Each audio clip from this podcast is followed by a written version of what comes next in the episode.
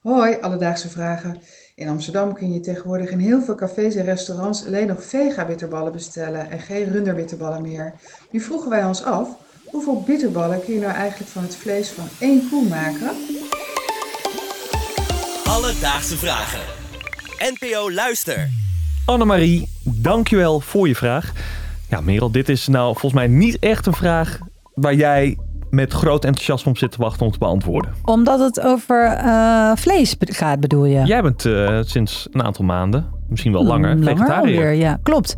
Maar dat betekent niet dat ik geen groot liefhebber ben van de bitterbal. En die heb je inmiddels natuurlijk ook in vegetarische vorm. Klopt. Laten we dat ook even Ja, benoemen. tuurlijk. Die, eh, die is er zeker. Ja, en misschien is het ook wel trouwens een hele inspirerende vraag met een inspirerend antwoord voor mensen om te denken: jeetje, zoveel Ja, of zo weinig uit zo weinig. koe. Dat, kijk, dat zou, dat zou ik wel erg vinden. Stel, het zijn er maar twee. Want ik weet dat het niet zo erg kan zijn. We hebben, we hebben een polletje gehouden, toch? Om even te checken wat mensen denken hoeveel er nou... eh, Ja, wij hebben hier op de redactie een rondgang gedaan met de vraag... Wat denk jij, hoeveel bitterballen van één koe kan je maken? Wat een belangrijke vraag Ja, van wij- de belastinggeld. Wij doen hier keiharde journalistiek, Merel. En ik heb hier het lijstje voor me. En de antwoorden die lopen best wel uiteen, kan ik je vertellen. Veel antwoorden tussen de 3 en 700. Maar sommige mensen die denken ook 10 of zelfs 12.000. Ja, maar een koe is groot hoor. En, het, en in een bitterbal zit natuurlijk maar gewoon kleine sliertjes vlees eigenlijk. Ja, Dus ik vind het helemaal niet zo gek. fascinerende vraag. Iemand die het ons kan vertellen is niemand minder dan Eke Bosman. Ook wel bekend als de snackspert. Nou, en je hoort het al, dat is een expert Dat van een- snacks. Precies, een expert op het gebied van snacks. Ik durf eigenlijk zelfs wel te zeggen, de kenner van snacks en frituur in Nederland. En hij heeft speciaal voor ons het uitgezocht. Het, het, het verschilt natuurlijk wel per koe, want de ene koe is zoveel kilo en de andere koe is zoveel kilo. Maar laten we uitgaan van een eh, melkkoe die ongeveer 300 kilo vlees oplevert. Er zijn eh, bedrijven die eh, specifiek kroketvlees leveren en die zeggen dat ze ongeveer 5 à 10 procent van dat vlees speciaal leveren voor kroketten en dus ook bitterballen. Dat is dus ongeveer 10 à 20 kilo vlees en dat gaat om pouletvlees. En pouletten, ja, dat zijn, dat zijn de nekspieren, dat zijn de borstspieren en dergelijke. Die worden allemaal gemalen tot ragout en daar worden de meeste supermarktbitterballen van gemaakt. Dus als je een kleine rekensom doet, dus 10 à 20 kilo en dan is een gemiddelde bitterbal ongeveer 30 gram, dan kom je uit tussen de 333 en 666 bitterballen. Dat zijn heel veel rondjes op de vrijdagmiddag. Dat zijn zeker veel rondjes. Wat goed dat hij daar ook meteen aan denkt. Ja, zeker. Oké, nou, dat vind ik eigenlijk aan de lage kant. Ja. Als we hè, eh, eh, de poll eh, waar mensen 10.000 Nou, zeiden, waar ik niet van schrok. De meeste mensen hadden het dus toch wel goed, omdat er tussen de 333 en 666 bitterballen zat. Eh, maar ja, het verschilt dus per koe. En ja, het is toch iets minder ook dan ik had verwacht. Ik ging meer richting die 1000. Oké, ja, we weten nu natuurlijk hoeveel rund er ongeveer in een bitterbal gaat, maar er zit meer in, in de koe.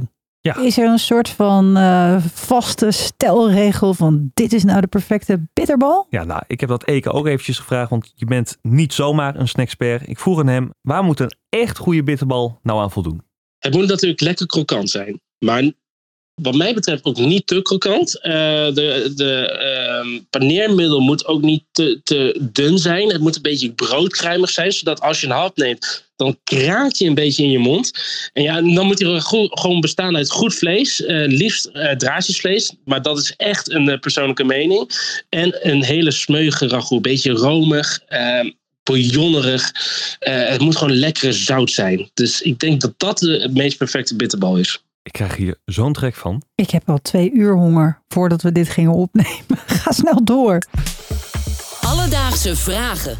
Jij noemde het aan het begin van de podcast al even. Ik eet natuurlijk geen vlees meer, maar ik ben wel een liefhebber van de bitterbal.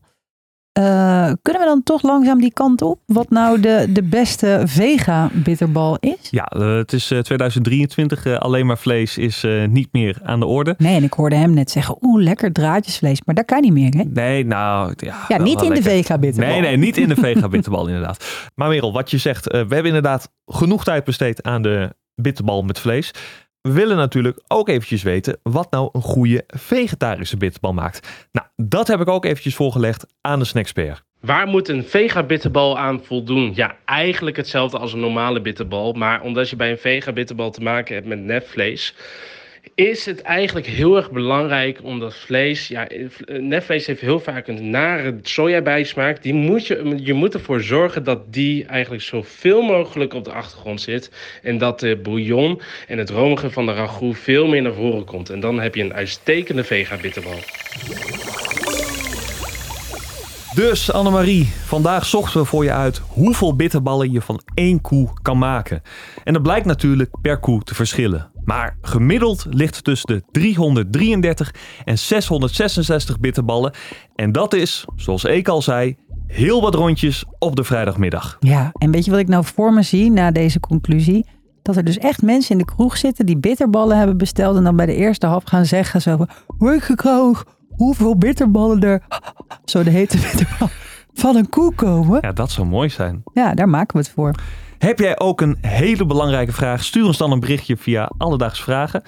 Stuur ons dan een berichtje via Instagram. Dat kan naar Alledaagse Vragen. Of je kan een mailtje sturen naar alledaagsvragen.bnnvara.nl en dan zoek ik het voor je uit. Of je komt zondag bij ons langs Moederdag, Tivoli Vredeburg. Staan we daar voor het NPO Podcast Event uh, een alledaagse vraag voor jou uh, op te lossen. Je kan zelf ook je vraag bij ons achterlaten. Koop je kaartje via Tivoli Vredeburg voor 14 mei. Zien we daar. Alledaagse Vragen. NPO Luister. BNN Vara. Dan. Super lekker, super mooi.